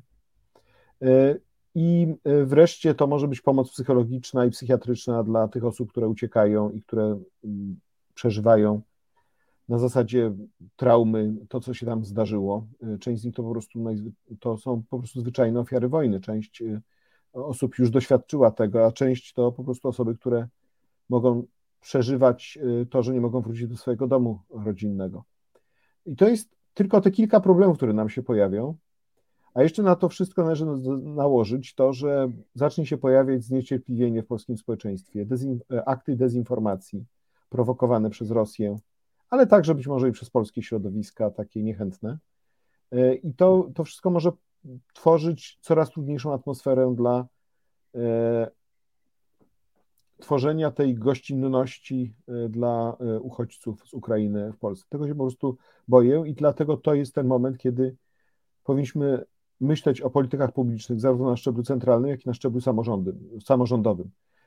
I tu myślę, że zwłaszcza samorządy mają bardzo dużo do, do zrobienia, bo jeśli odpowiednio ukształtujemy politykę na szczeblu lokalnym, to wtedy ten, ten ciężar, to zobowiązanie moralne prawne w stosunku do uchodźców się po prostu lepiej rozłoży i, e, i będzie bardziej zdecentralizowane.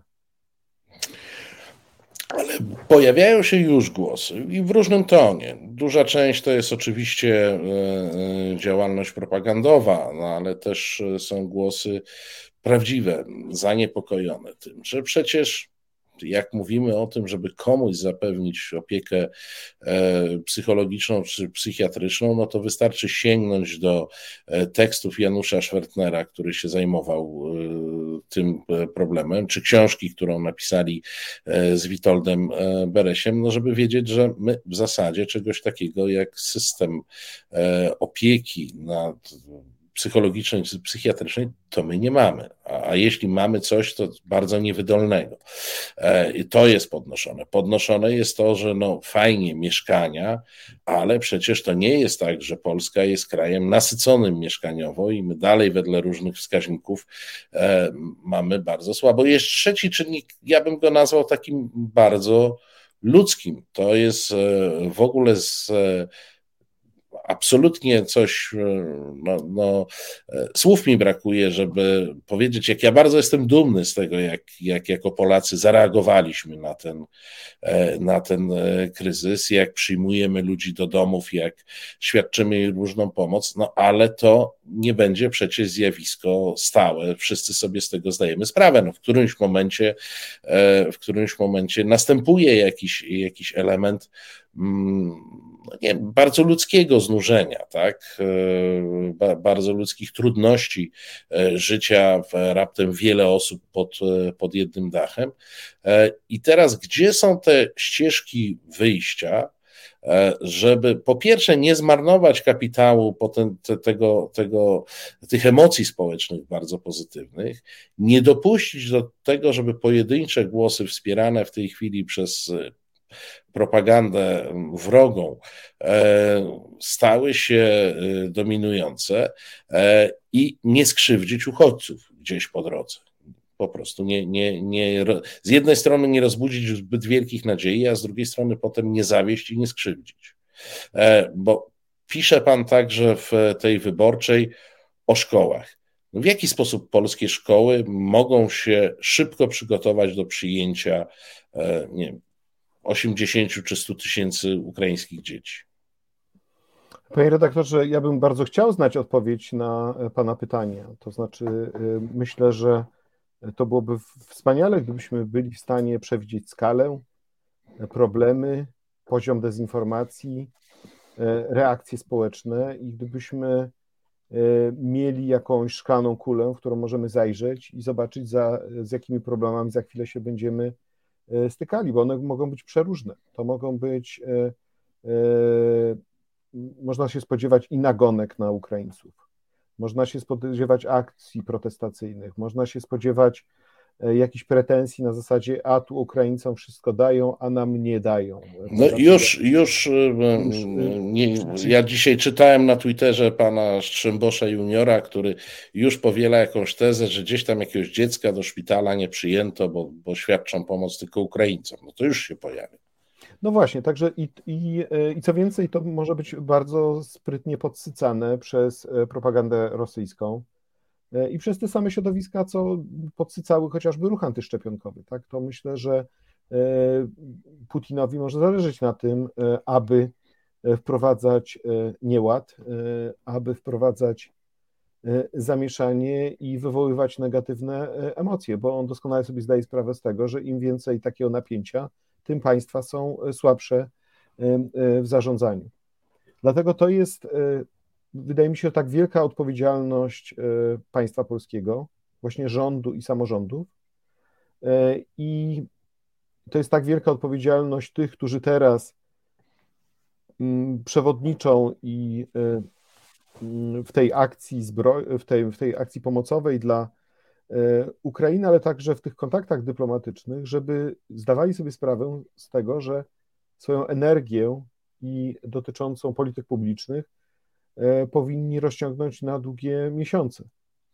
Ja zamiast, na przykładowo minister Czarnek, zamiast ogłaszać, że on teraz będzie przygotowywał Lex Czarnek 2, bo mu się nie spodobało weto prezydenckie, to on powinien powiedzieć, nie, no właśnie moja odpowiedzialność teraz to jest przygotować polskie szkoły tak aby każde dziecko ukraińskie czuło się dobrze w polskiej, w polskiej szkole i, i mam nadzieję, że gdzieś on mimo wszystko się wzniesie ponad e, swoje może dotychczasowe e, uprzedzenia związane z tym, żeby nie wpuszczać nikogo do szkół, albo żeby nie pozwalać e, organizacjom pozarządowym działać w szkole. Co do psychiatrii i pomocy w tym zakresie, oczywiście znam książki Witolda Beresia, Janusza Schwertnera, E, sam miałem liczne wystąpienia na temat psychiatrii dziecięcej. Nie twierdzę, że teraz nagle z dnia na dzień my e, gdzieś z kosmosu ściągniemy psychiatrów dziecięcych, którzy będą e, pomagali. Ale to jest akurat taki temat, gdzie powinniśmy bardzo mocno mówić Unii Europejskiej i może amerykańskiej agencji pomocowej USAID, że słuchajcie, na to potrzebujemy naprawdę środków. Tu potrzebujemy naprawdę wzmocnienia kadrowego, finansowego, E, ponieważ musimy sobie poradzić z znacznie większą e, liczbą e, osób. Tak samo mieszkania zakładam, że w którymś momencie trafią środki do samorządów na budownictwo mm, mieszkaniowe albo na dostosowanie jakichś wolnych lokali do potrzeb uchodźców. Jest tych lokali trochę w Polsce. To nie jest tak, że nie ma gdzie w Polsce mieszkać. To mogą być różnego rodzaju dofinansowywania do najmów które są właśnie przeznaczane na potrzeby uchodźców z Ukrainy. Znaczy tutaj oczywiście bez takiej poważnej roli interwencyjnej państwa, bez bardzo konkretnych działań zaprogramowanych na wiele miesięcy i także bez dodatkowych środków pieniężnych nie da rady tego zrobić, bo to jest po prostu gigantyczne wyzwanie. No nie mieliśmy nigdy w historii Polski takiej masowej migracji. Nawet jeżeli byśmy, no powiedzmy, spójrzmy tak w przeszłość i to tak, Czeczenia, wojna w Czeczeniu to było jakieś 80 tysięcy osób, ale to było rozłożone na ładne kilka lat. To nie było tak, że. Tak, i to bardzo wolnym strumieniem, tak. Tak, i w pierwszym rzu- rzucie to było jakieś 25 tysięcy, a później łącznie to było około 80 tysięcy. E, teraz e, pamiętam, znaczy nie pamiętam, ale z podręczników historii wiem, że za e, czasu reżimu pułkowników w Grecji to też trafiła migracja do Polski ale to też były raczej tam kilka tysięcy, może dziesiątki, dziesięć tysięcy. Myślę, że to jest taka, taka skala, prawda? E, nie więcej, chociażby we Wrocławiu, tak, sporo e, e, i w województwie dolnośląskim sporo osób zamieszkało, tak? Ale a w przypadku Ukrainy, no to oczywiście mieliśmy to, różnie się szacuje, milion, półtora miliona ale jednak przede wszystkim migrantów ekonomicznych, czyli osób. No, którzy byli zupełnie poza systemem pomocowym, radzili sobie no właśnie, sami. Tak. No właśnie. I, e, e, I oczywiście oni nas być może trochę przygotowali już na taką większą otwartość na wielokulturowość i na. Oni się świetnie wpisali w funkcjonowanie polskiego e, społeczeństwa i być może dzięki nim także jesteśmy w stanie przyjąć więcej osób, niż gdybyśmy nie mieli tego zaplecza społecznego w postaci tych rodzin, które już tutaj są, które po prostu się teraz najzwyczajniej w świecie powiększają, zwiększają, e, zapewniają wsparcie dla swoich, tak? E, natomiast to i tak to są, e, skala jest absolutnie nieprawdopodobna i, i tempo jest, jest bardzo duże. O tu widzę, że pan Tomasz napisał około 14 tysięcy Greków. No właśnie, no miałem wrażenie, że to jest taka, taka skala. Przy, przy, okazji pozdrawiam Dionizosa Sturisa, który y, gdzieś tam ma te korzenie i to trochę opisuje w, w tej swojej książce Zachód Słońca nad y, y, Santorini. I także w książce kucharskiej, tak, bardzo dobrej książce kucharskiej. I także dlatego to moim zdaniem jest bardzo ważne, żebyśmy już teraz o tym rozmawiali. I ja myślę, że że gdyby na przykład Unia Europejska postanowiła stworzyć jakiś program pomocowy, y, który y, taki masowy program pomocowy, nie tam na 500 milionów euro, co to jest 500 milionów euro przy takich potrzebach. Y, jak, jak podzielimy to na milion uchodźców, to wychodzi po 500 euro na uchodźcę. No to tak. nawet nie starczy na, no powiedzmy starczy na czynsz najmu na jeden miesiąc, tak? No to jest tyle, tak? Ale jeżeli by stworzyła taki potężny program wielomiliardowy, pomocowy, to mógłby on być na przykład kierowany bezpośrednio do samorządów i który mógłby na przykład pomóc w tym, aby e, właśnie stworzyć zaplecze infrastrukturalne, ale na przykład stworzyć jakieś e, programy e, pomocowe, jakieś roboty, jakieś inwestycje dokonywane na szczeblu lokalnym, które by pozwalały na przykład na zatrudnienie Ukraińców. Mo, można sobie spokojnie wyobrazić jak coś w rodzaju takich zielonych zamówień, tak, które, e, w których na przykład preferuje się zatrudnianie e, osób, które mają status e, uchodźcy. To takie, takie rzeczy też są możliwe. Myślę, że też Stany Zjednoczone będą tutaj w tym kontekście chciały Polsce pomóc. Także tak to widzę, że, że już teraz po prostu o tym musimy myśleć. Słowo które, które padło w pańskiej wypowiedzi, wielokulturowość, jest jedną z, jednym z ostatnich słów, które bym skojarzył z obecnym rządem i ze szkołami w Polsce, tak generalnie, nawet z tymi szkołami e, w dużych e, ośrodkach. E, jak można, znaczy ja będę dążył, ja wiem, że to są może nie, nie najłatwiejsze pytania, ale będę szukał tych pomysłów.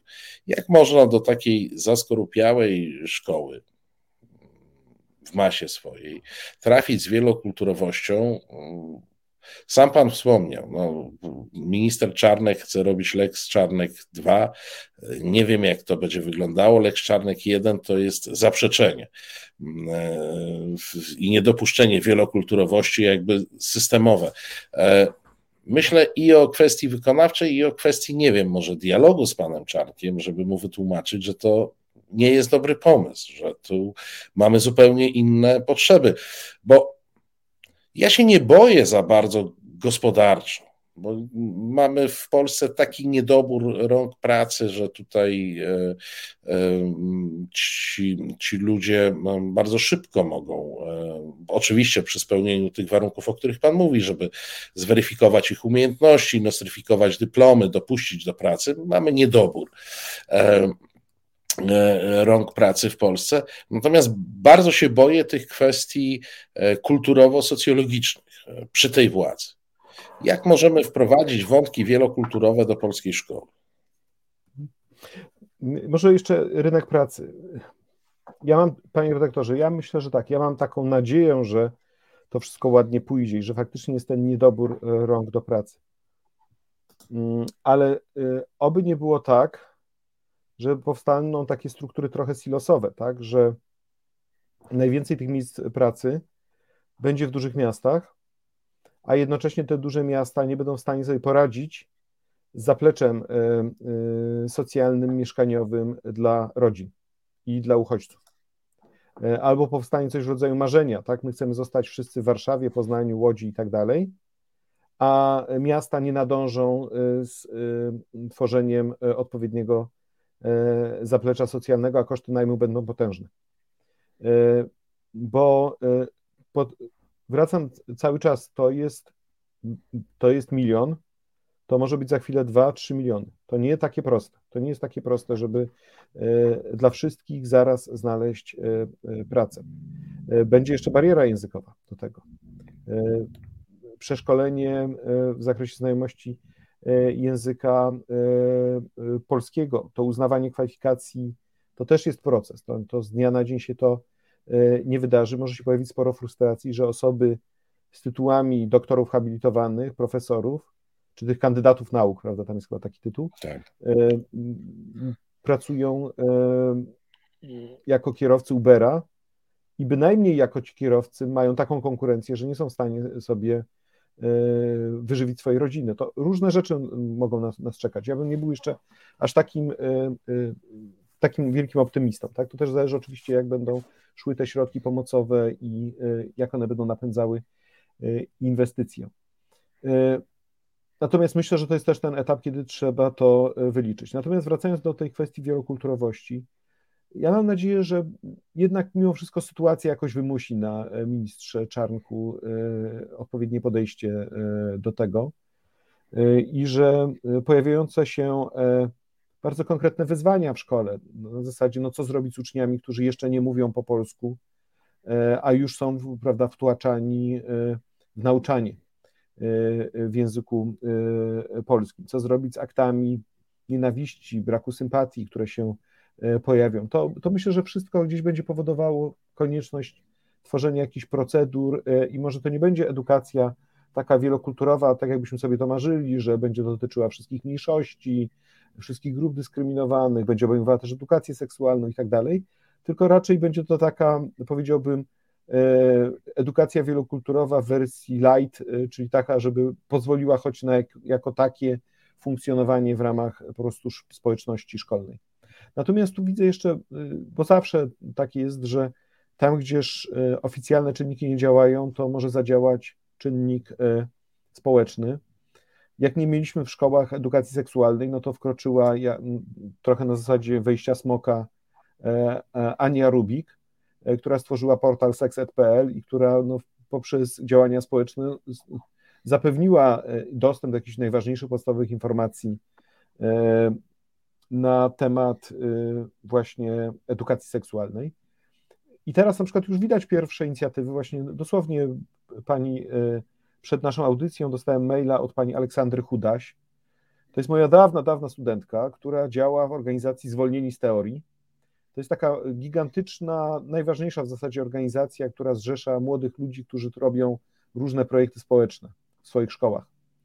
E, I oni właśnie nagrali fantastyczny klip poświęcony no, współpracy pomiędzy polską a ukraińską młodzieżą z takim hasłem Sztama z Ukrainą i w, i w tym klipie polscy y, licealiści właśnie tłumaczą, y, jak będą się zajmowali swoimi studentami, swoimi kolegami z Ukrainy, jak im będą tłumaczyli, dlaczego serial Euforia jest ważny, kim jest Mata dlaczego warto mówić siema, a nie cześć i tak dalej, i tak dalej.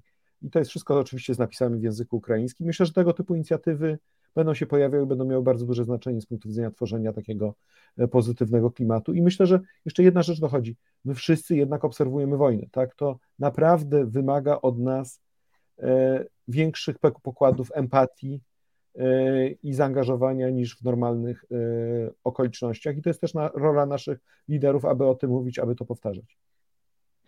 Panie profesorze, ja wrócę na chwilę. A co z tymi, którzy uciekają przed tą wojną i nie mają obywatelstwa ukraińskiego? Bo to jest argument, który się pojawia. To jest e, podobno oni nie są w żaden sposób zauważeni e, w tej ustawie, czyli są jakby wyrzuceni poza margines tej ustawy. E, natomiast tu przed rozmową z Panem myśmy mieli taką sesję z Andrzejem Krajewskim na temat rosyjskich wiadomości i tam już się pojawił ciemnoskóry student, który opowiadał, że nikt go do Polski nie chciał przyjąć i, że on jest w ogóle był fatalnie traktowany mm, e, na przejściu e, granicznym. Mieliśmy też jakieś takie sygnały mm, nie do końca sprawdzone z, granicy w Przemyślu. Mamy też e, no, pomysł patroli obywatelskich, czyli tych ludzi, mm, no, ewidentnie to, to, na portalu Resetu Obywatelskiego możecie Państwo przeczytać o panu Zapałowskim, inspiratorze tych e, działań. E, no ale patrol obywatelski się pojawił e, i wyłapuje ludzi o ciemniejszej karnacji. Na szczęście skala jest niewielka. To też trzeba powiedzieć, że tutaj reakcja służb była dosyć szybka. Niemniej problem jest i teraz co zrobić, z, z, z ludźmi, którzy uciekają z Ukrainy, a nie są Ukraińcami.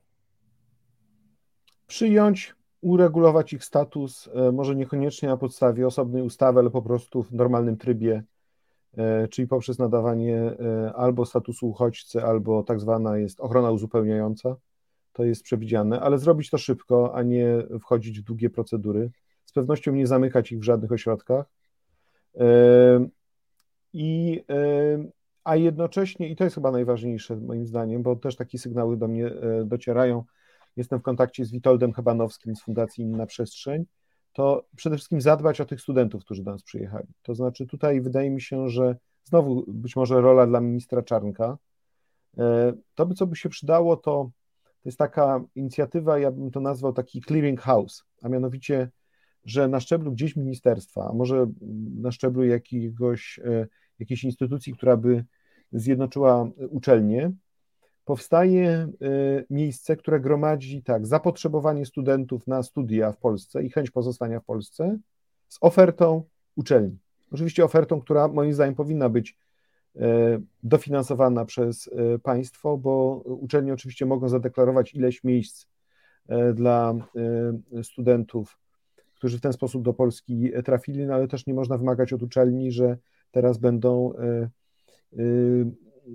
gdzieś z niczego tworzyły prawda, dodatkowe e, miejsca, bo każdy student to jest jakiś jednak określony koszt. No, nie można studenta medycyny od tak po prostu przeszkolić na zasadzie dodania po kilka osób do każdej grupy, prawda, bo wszystko się wiąże z jakimiś określonymi kosztami.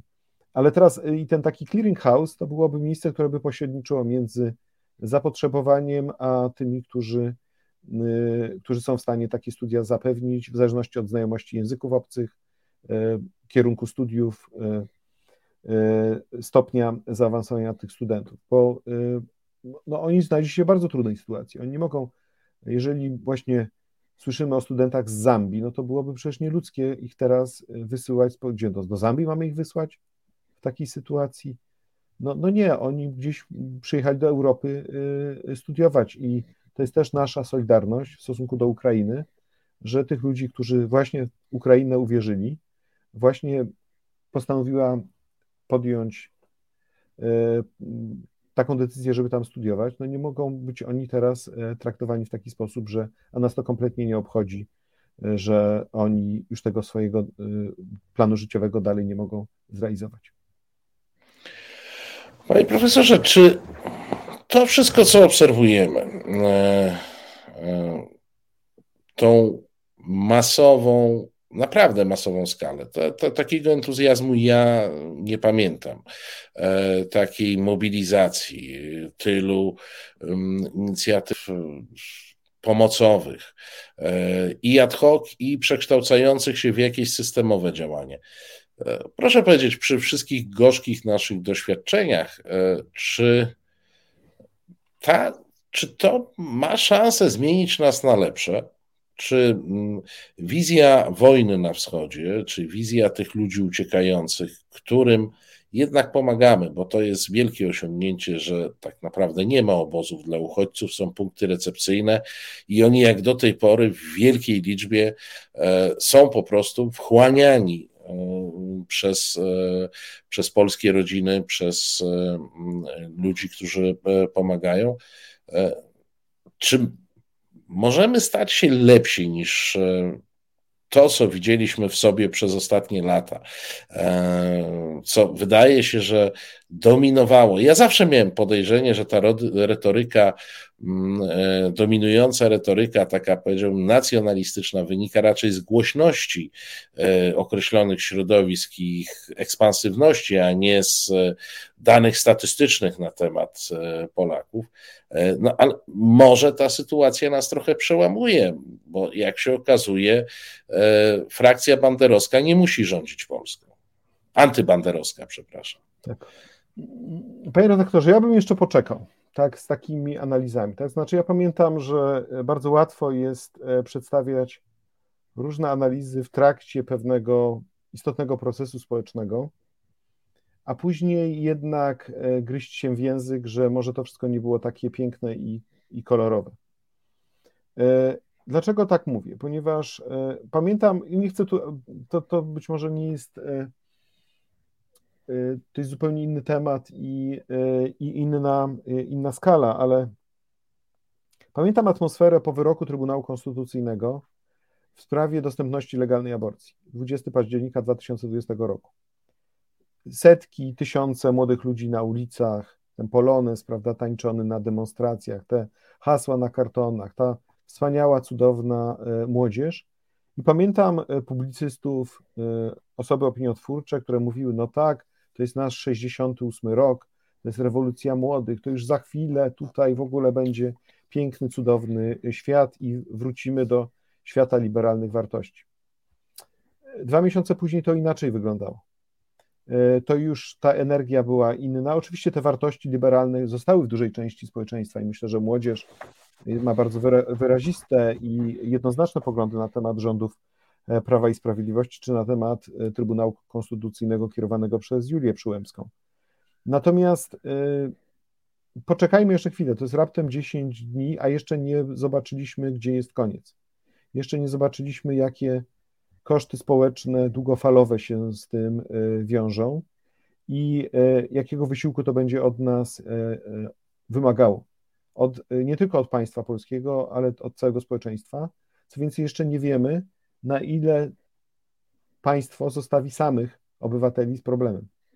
Yy, czyli yy, przykładowo, wyobraźmy sobie taką sytuację, że gdzieś za pół roku ktoś udostępnił komuś mieszkanie, ten ktoś mieszkał, yy, czuł się bezpiecznie i tak dalej, no ale za pół roku gdzieś zaczyna się pojawiać ten moment, no, no dobrze, to co dalej, tak? I nagle okazuje się, że te rodziny polskie już nie są tak chętne, żeby to mieszkanie przedłużać, a albo ich nie stać po prostu najzwyczajniej w świecie na to, żeby dalej e, e, przedłużać to, to zakwaterowanie, tak? I, I zaczną się pojawiać kłopoty, że te osoby nie mają gdzie mieszkać, że te samorządy nie dały radę, bo na przykład zostały zostawione same przez państwo.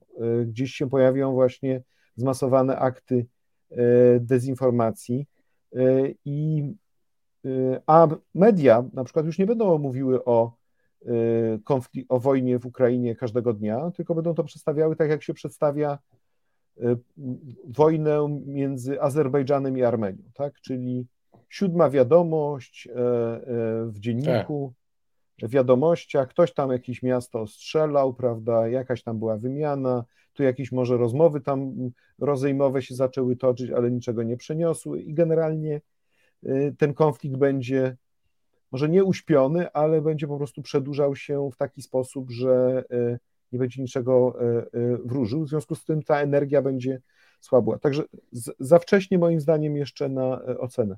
Te ostatnie dni należy ocenić absolutnie fantastycznie i ukłonić się nisko i podziękować e, wszystkim, którzy się e, angażują, ale jeszcze bym nie wyciągał e, daleko idących wniosków dotyczących tego, na ile to zmieni naszą, nasz świat, naszą demokrację, naszą klasę polityczną.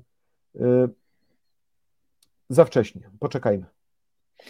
No, ja szukam jakichś takich światełek optymizmu, bo przecież wśród tych pomagających e, są ludzie o bardzo różnych poglądach politycznych i głosujących, o samej statystyki wynika, że głosują na e, różne e, partie, więc jest to jakiś taki chyba pierwszy czynnik, który przekracza podziały, podziały czysto polityczne i, i zwolenników takiego czy e, innego poglądu, ale faktycznie pewnie za czas jakiś będziemy mogli, będziemy wiedzieli więcej. Ja szukam optymizmu. Ale to może jeżeli mógłbym, jeżeli mógłbym, bo, bo to jedną rzecz bym chciał dopowiedzieć, tak? Bo to, bo jedna rzecz może się faktycznie zmienić, e, panie redaktorze, a mianowicie proszę zauważyć, nasza debata jeszcze dwa tygodnie temu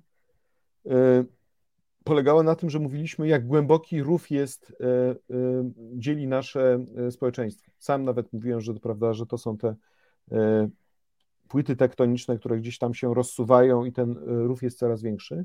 Ale pamiętam doskonale, że jak robiłem rozmowę z Bartkiem Bartosikiem do tej mojej książki Obywatel.pl, to wskazywałem, że jest jedna rzecz, która nas łączy, a mianowicie to jest podejście do Rosji i nasza, nasza pozycja geopolityczna. I w tym kontekście, szczerze, ja bardzo się niepokoiłem, jak widziałem, co wyprawia Mateusz Morawiecki z Le Pen i Salvini i tak dalej, bo nagle mówiłem, o Jezus, to, czyli nawet to jesteśmy w stanie poświęcić dla, e, dla walki, bieżącej walki politycznej, e, czy te umizgi do, do Republiki, e, do Chińskiej Republiki Ludowej, ta wizyta na Olimpiadzie i tak dalej. A tu jednak się okazuje, że to zagrożenie ze strony Rosji to ta wojna wisząca w powietrzu, nazywajmy rzeczy po imieniu, e, i także ta e, trauma, trauma ukraińskiego narodu i pomoc obywateli, to jest coś, co mogło zasypać ten podział. To znaczy, że jest jednak punkt ten styczny, gdzie jednak mamy momenty w polskim parlamencie, gdzie ważną uchwałę polityczną przyjmuje się przez aklamację. E, gdzie e, nie ma poważnego polityka, podkreślam, nie ma poważnego polityka, który by poddawał to w wątpliwość. E, I to może być dużo, bo to jednak pokazuje, że nasza ta wspólnota polityczna, ten naród polityczny jest jednak coś klei i, i coś go łączy. Czyli to od, odniesienie się do tych najbardziej podstawowych wartości, tych najbardziej podstawowych funkcji państwa, jak niepodległość, y, suwerenność, y, bezpieczeństwo granic, y, konstytucja także, szacunek dla instytucji, które, które mamy, jednak to wszystko nas jeszcze, jeszcze łączy. I to może dawać szansę, może trochę na odbudowanie pewnych zasad dotyczących praworządności, może trochę na mniejszy poziom agresji, takich kolizji w tym, w tym wewnętrznej polityce. Ja mówię pewien, ja nie, nie, nie twierdzę, że nagle teraz partia rządząca powie tak, oczywiście my się nie, nie, godziny... Demokratami to oni już nie będą. Proszę? Demokratami to oni no już nie tak, będą. Nie będą, nie będą, tak, ale mogą być trochę bardziej przestraszeni, e, że jednak trzeba w takich sytuacjach rozmawiać ze sobą, czyli tych te, te mechanizmy kontrolne władzy e, mogą trochę lepiej e, e, działać, bo, bo będą się opierały, będą wychodziły z innych, z innych perspektyw. No i myślę, że mamy w tej chwili pierwszy od lat, pierwsze od lat takie bardzo spektakularne zwycięstwo opinii publicznej. Bo ja nie mam wątpliwości, że w przypadku większości z rządzących ich zwrot jest czysto koniunkturalny e, i wziął się przede wszystkim z obserwacji reakcji Polaków na agresję e, rosyjską na Ukrainę i skali tej pomocy. Więc oni, ale ja się zgadzam e, i sam zresztą głoszę tezę, że niezależnie od pobudek to jest dobry zwrot. No, niezależnie od tego na ile. I dobrym jest to, o czym pan, panie profesorze, mówi, że znalazł się jakiś zbiór wspólny dla nas. Dla większości z nas, e, łącznie e, właśnie z politykami, którzy byli w stanie przez aklamację przyjąć e, poparcie dla europejskich aspiracji no, Ukrainy. No to, to mi trochę pan pomógł w szukaniu tych pozytywów i, i optymizmu. E, bardzo dziękuję za tę dzisiejszą rozmowę. Dziękuję, że znalazł Pan dla nas e, czas. Naszym gościem był profesor Adam Bodnar. Kłaniam się nisko. Do zobaczenia, do usłyszenia. Dziękuję bardzo, panie dyrektorze. E, dziękuję Państwu za uwagę. Dobrego wieczoru. Kłaniamy się. Proszę Państwa, już jesteśmy, jesteśmy na finiszu naszego programu. Zbliża się 20, 21. Jak Państwo pozwolicie, ja nie dlatego, że nie, nie będę komentował tych różnych wpisów e, na czacie, które suflują jakieś czarne e, scenariusze e, i tym podobne rzeczy. No nie, nie, nie, nie, nie. Myślę, że jak zwykle nie będzie e, ani ultraczarnych scenariuszy, ani też te pozytywne, które, o których byśmy marzyli, e, nam się mm, e, nie spełnią. Kapitan Stratford pisze, panie Marcinie, Filipowi trzeba dać prawo usuwania troli z czatu. Moi drodzy, wielu z was tego nie lubi, ja jestem liberałem i Filip ma pełne prawa do usuwania troli z czatu i ja stosuję tę e, technikę zarządzania, jaką zarządza się w tej chwili e, armia ukraińska. E, to znaczy, nie ma decyzji taktycznych na poziomie sztabu generalnego mówiąc, e, e, mówiąc wprost.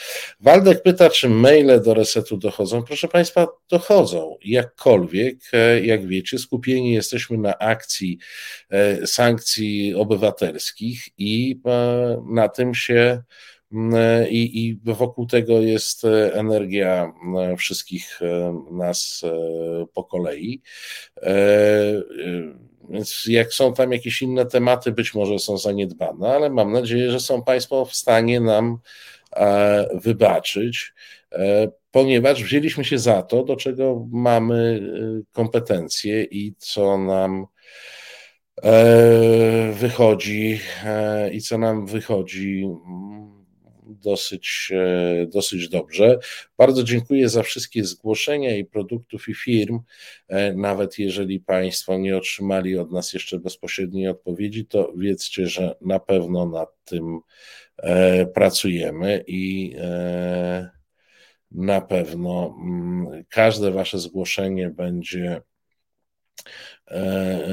będzie sprawdzone i, i efekt każdego opublikujemy, a także odpowiemy zgłaszającym. Tylko pamiętajcie Państwo, że to jest ogrom pracy.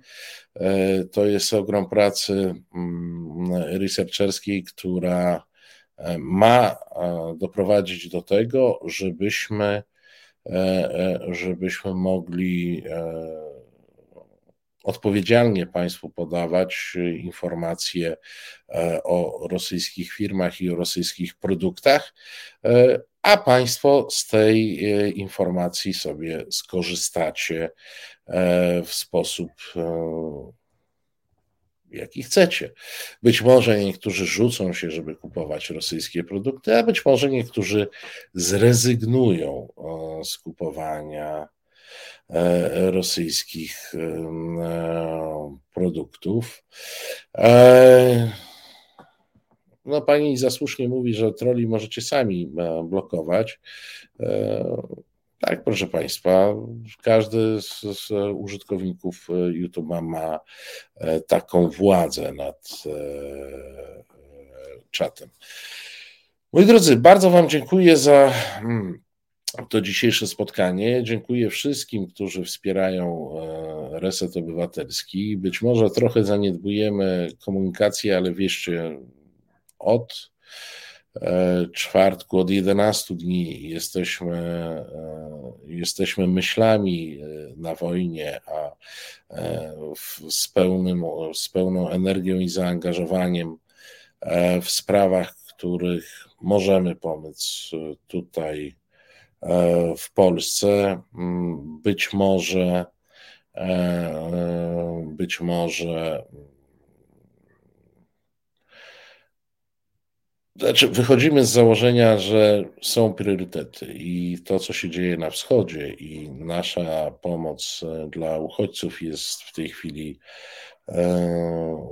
priorytetem. Sprawa rewoluta jest, e, Pani Bożeno, w obróbce. Sprawa rewoluta jest w obróbce, ale to wygląda na to, że jest e, ewidentnie mm, e, do, do rezygnacji. Ale jeszcze raz powiem, no, Państwo widzicie, Tomek boi się i troi, mm, researcherzy dwoją się i troją, zasypujemy różne firmy mm, pytaniami e, i efekty tego powoli już, e, powoli już e, widzicie. Bożena pyta, czy będzie ogląd. Na pewno będzie w, będą wtorkowe roty doradców. Z Grzegorzem jesteśmy umówieni. Co do środowych, czwartkowych programów, proszę Państwa, trochę to zależy od mojej aktywności, która w tej chwili jest trudno trudna do zaplanowania. Zakładam, że będą, ale nie chcę dzisiaj obiecywać. Mogę obiecać wtorek, dalej e, nie wiem, jak się to będzie e, rozwijało. Moi drodzy, jutro reset jak zwykle od 17. Mm, zaczynamy audycją Tomasza Koncy, o 19 Tomek Piątek i Dochodzenie Prawdy, o 21 Prawoteka, o 22 Sygnał e, Mobbing.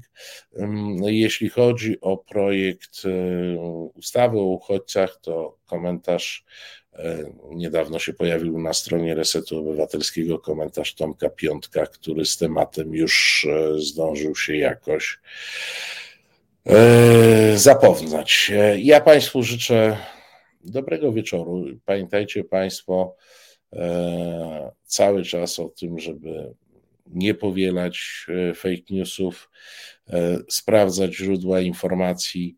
Ja Państwa zachęcam do portalu Reset Obywatelski. E, tam są tylko sprawdzone informacje i tam Was nikt w błąd e, nie wprowadzi. Ja dziękuję za dziś. To były rozmowy Celińskiego, Reset Obywatelski. Kłaniam się Państwu nisko.